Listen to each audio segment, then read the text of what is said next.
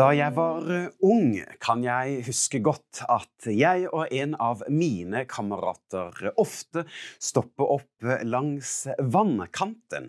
Og der fant vi noen store steiner, de største vi kunne finne. Og så tok vi dem og så kastet vi dem så høyt opp vi kunne og langt ut i vannet, slik at det skulle skape et stort splash. Og se at vannsøylen sto høyt til værs. Og at hver av disse store plaskene skapte òg en del ringer i vannet. I dag så skal jeg ta et litt modig valg. Som forkynner så ønsker man å bli leder til det man skal si, og eh, jeg ønsker òg å dele noe i dag som òg kan være litt ømfintlig å snakke litt om. Men jeg håper at du er med på denne reisen og syns det er noen interessante refleksjoner jeg kan få lov til å dele med deg i dag. I dag så skal vi til eh, Jesu himmelfart. Og eh, Jesus avslutter altså sin tjeneste her på jord sammen med sine disipler. Og da sier han disse kjente ordene fra misjonsbefalingen fra Matteus 28, hvor det står Jeg har eh, fått all makt i himmelen og på jorden. Gå derfor og gjør alle folkeslag til mine disipler. Døp dem i Faderens og Sønnens og Den hellige ånds navn Lær dem å leve på den måten jeg har gitt befaling om. Og glem aldri, jeg er med dere alle dager helt til verdens ende. Jesus avslutter her sin tjeneste og gir nå stafettpinnen videre til disiplene og videre til oss mennesker. Jesus hadde altså gått rundt på jorda her og vist og forkynt hvordan eh, Guds rike var, og hvordan veien til himmelen er. Nå var det altså disiplene, eller vi mennesker, som skulle da være med å gi da evangeliet videre. Men i dag så er prekenteksten hentet ifra Markus sin versjon av det samme. Og vi leser ifra Markus 16. Så sa han, altså Jesus, til dem, nå må dere gå og fortelle dette til hele verden. Forkynn dette gode budskapet for alle mennesker. For den som tror å bli døpt, skal bli frelst. Men den som ikke tror, skal bli dømt for sine synder. Og så kommer vi til det jeg har lyst til å si litt om. For Jesus, han eh, vender seg til disiplene og sier og disse mirakuløse tegnene skal følge dem som tror. De skal drive ut demoner i mitt navn, og de skal få et nytt bønnespråk kalt tungetale. Om de må ta i slanger eller drikke noe gift, så skal de ikke ta skade av det. Og når de legger hendene sine på syke mennesker, skal de bli friske. Jeg har kalt denne preken for ringer i vannet, for i dag skal vi snakke om noen ringevirkninger av det å tro. Hvilke tegn skal følge dem som tror? Ja, vi leser her om å drive ut ånder, om helbredelse og om å tåle gift, og om tungetale. Og vi skal først litt til bibelsk tid, for vi kan lese om disse tingene skjer i eh, Bibelen. Vi kan lese om at Jesus ved flere anledninger drev ut onde ånder. Vi kan lese om at Jesus helbredet. Vi kan òg lese om at disiplene òg helbredet de som var syke. Vi kan òg lese om at disiplene fikk tungetale på pinsedag, og vi kan òg lese om at Paulus ble bitt av en giftig slange, men tok ikke skade av det. I vår tid så kan vi si at dette med tungetale og det å be for syke er nokså vanlig i kristen sammenheng. Men det er ikke det samme med det å drive ut ånder eller det å tåle gift. Jo, jeg skal komme tilbake igjen til de to sistnevnte, men først la oss si litt om tungetale. Ja, for hva er tungetale?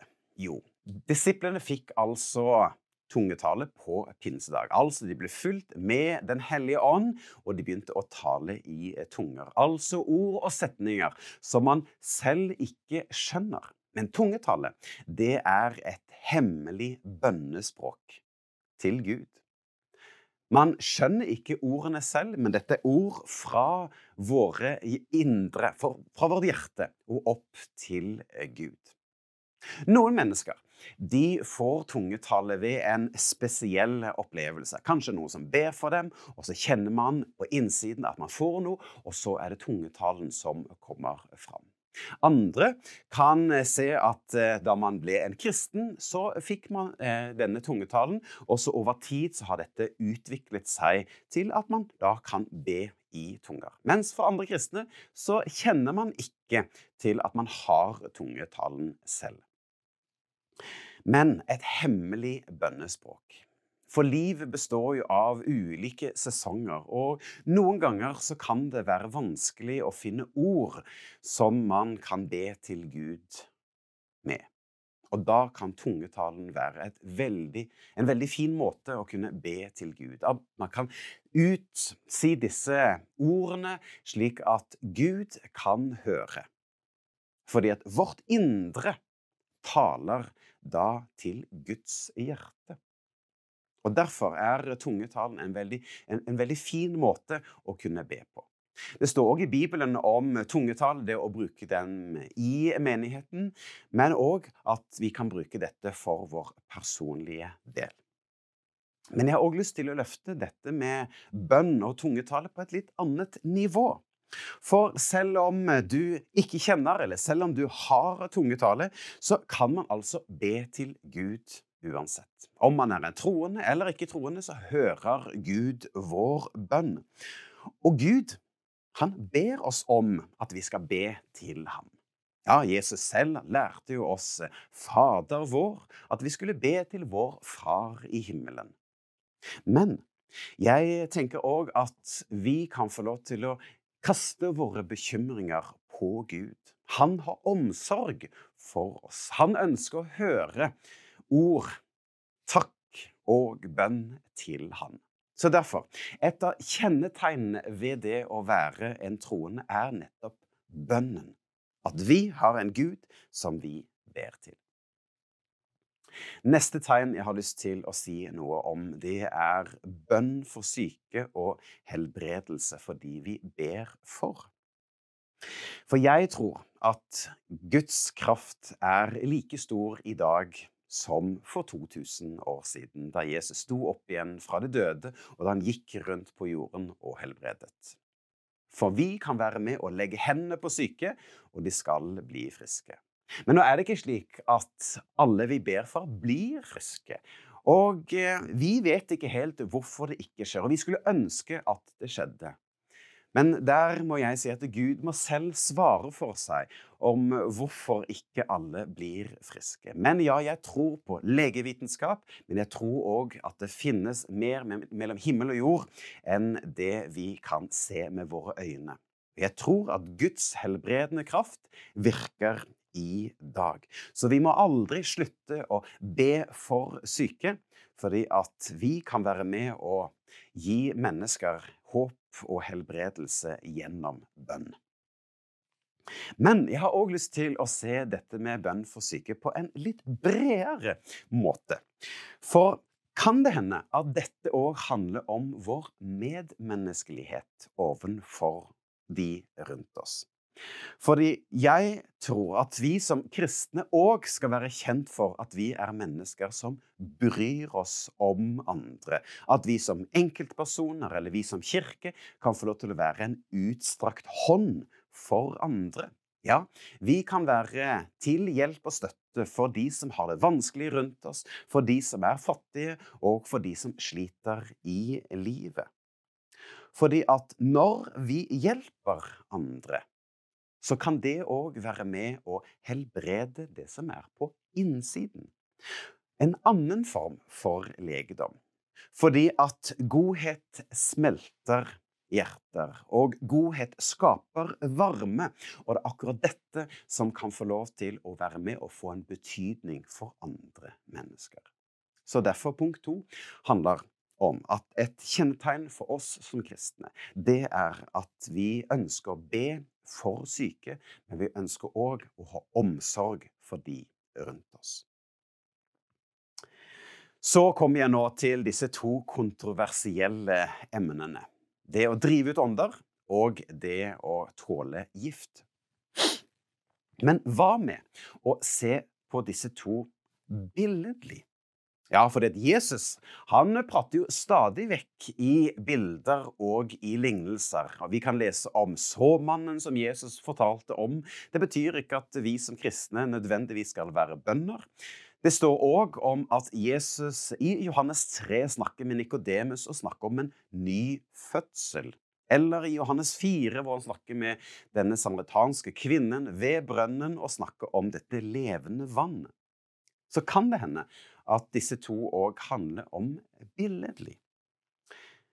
Altså Kan man derfor si at det å drive ut ånder handler om at Guds ånd flytter inn i våre hjerter? Altså, Jesus for opp til himmelen, og på pinsedag så sendte han sin ånd, Den hellige ånd, ned til disiplene og ned til oss mennesker. Slik at Jesus flytter inn i våre hjerter. Og du vet at eh, på vår hjertedør så finnes det kun ett håndtak, og det er på innsiden. For Jesus han står og banker på døren hos oss mennesker. Og så er det opp til oss om vi har lyst til å åpne døren og la Jesus få lov til å komme inn og være vår Herre og være vår, være vår frelser. Ja, for Jesus han ønsker å være vår hyrde, vår gjeter. Han som leder oss, han som bestemmer, han som på en måte viser retning hvor vi skal gå. Og Derfor tenker jeg at den kristne tro handler om å invitere Jesus inn i hjertet og la han få lov til å ta styringen. Så punkt tre. Kan man derfor si at et av kjennetegnene med oss som kristne, det er at Jesu ånd flytter inn i vårt hjerte? Så punkt fire, det var dette med, med, gift. For det står jo om at de må ta i slanger eller drikke noe gift, så skal de ikke ta skade av det. Jeg tror at vi har en Gud som beskytter oss og hjelper oss i alle livets situasjoner. Men kan òg dette bibelverset da tenkes billedlig? Altså kan man si at det å tåle gift handler om Guds tilgivelse og Guds gjenopprettelse? For i Gud så finnes det en ny start og en ny mulighet. Og Hans nåde og Hans tilgivelse overgår alt det vi kan tenke oss. Den er høyere og større og bredere enn det vi kan fatte. Men kan vi tenke at Jesus han ved sin nåde og fred og forsoning og frihet gjør at vi helbredes på innsiden av innvendige sår og skuffelser og frustrasjoner og motgang? Når vi da åpner døren og lar Jesus få lov til å komme inn, men òg inviterer han ned i dypet av våre liv, i det som er vondt og vanskelig, det som vi bærer med oss av bagasje som vi kanskje ikke har delt til så mange, kanskje vi ikke har delt til noen i det hele tatt. Men å invitere Jesus ned i dette og si, Herre, dette er meg, slik er jeg, dette er noe av den bagasje jeg har med meg. Men jeg tror jo at da kan Guds gjenopprettelse og Guds forsoning òg komme ned i dypet. At Hans nåde, Hans uendelig store kjærlighet, kan få lov til å fylle hele vårt liv. Og da kan det skapes en indre helbredelse. At vi har en Gud som leger våre sår. At han er der for å reparere det som er knust og ødelagt. Ja, det kan hende at vi får noen arr, men Gud kan lege det som er ødelagt. Og vi kan komme ut på den andre siden uten å ta skade av det. Så altså punkt fire. Kan man derfor si at et kjennetegn ved oss som kristne er at vi har en legende Gud som både renser og helbreder våre indre sår som vi bærer på. Så for å lande denne eh, preken her i dag, kan man derfor si at kjennetegn på oss som kristne skal være at vi er et folk som ber. At vi eh, er et folk som strekker ut en hånd til de som trenger det. Men òg at vi er et folk som ønsker å lede mennesker til tro. Men òg fire at vi er et folk som har en legende Gud, som er der med oss i alle situasjoner. For hvis disse fire kjennetegnene kan få lov til å være med og prege våre liv, så kan dette få lov til å bli ringer i vannet som kan få lov til å påvirke andre mennesker rundt oss, slik at de kommer i bevegelse mot Jesus. Så ta imot Herrens velsignelse. Herren velsigne deg og bevare deg. Herren la sitt ansikt lyse over deg og være deg nådig. Herren løfte sitt åsyn på deg og gi deg fred.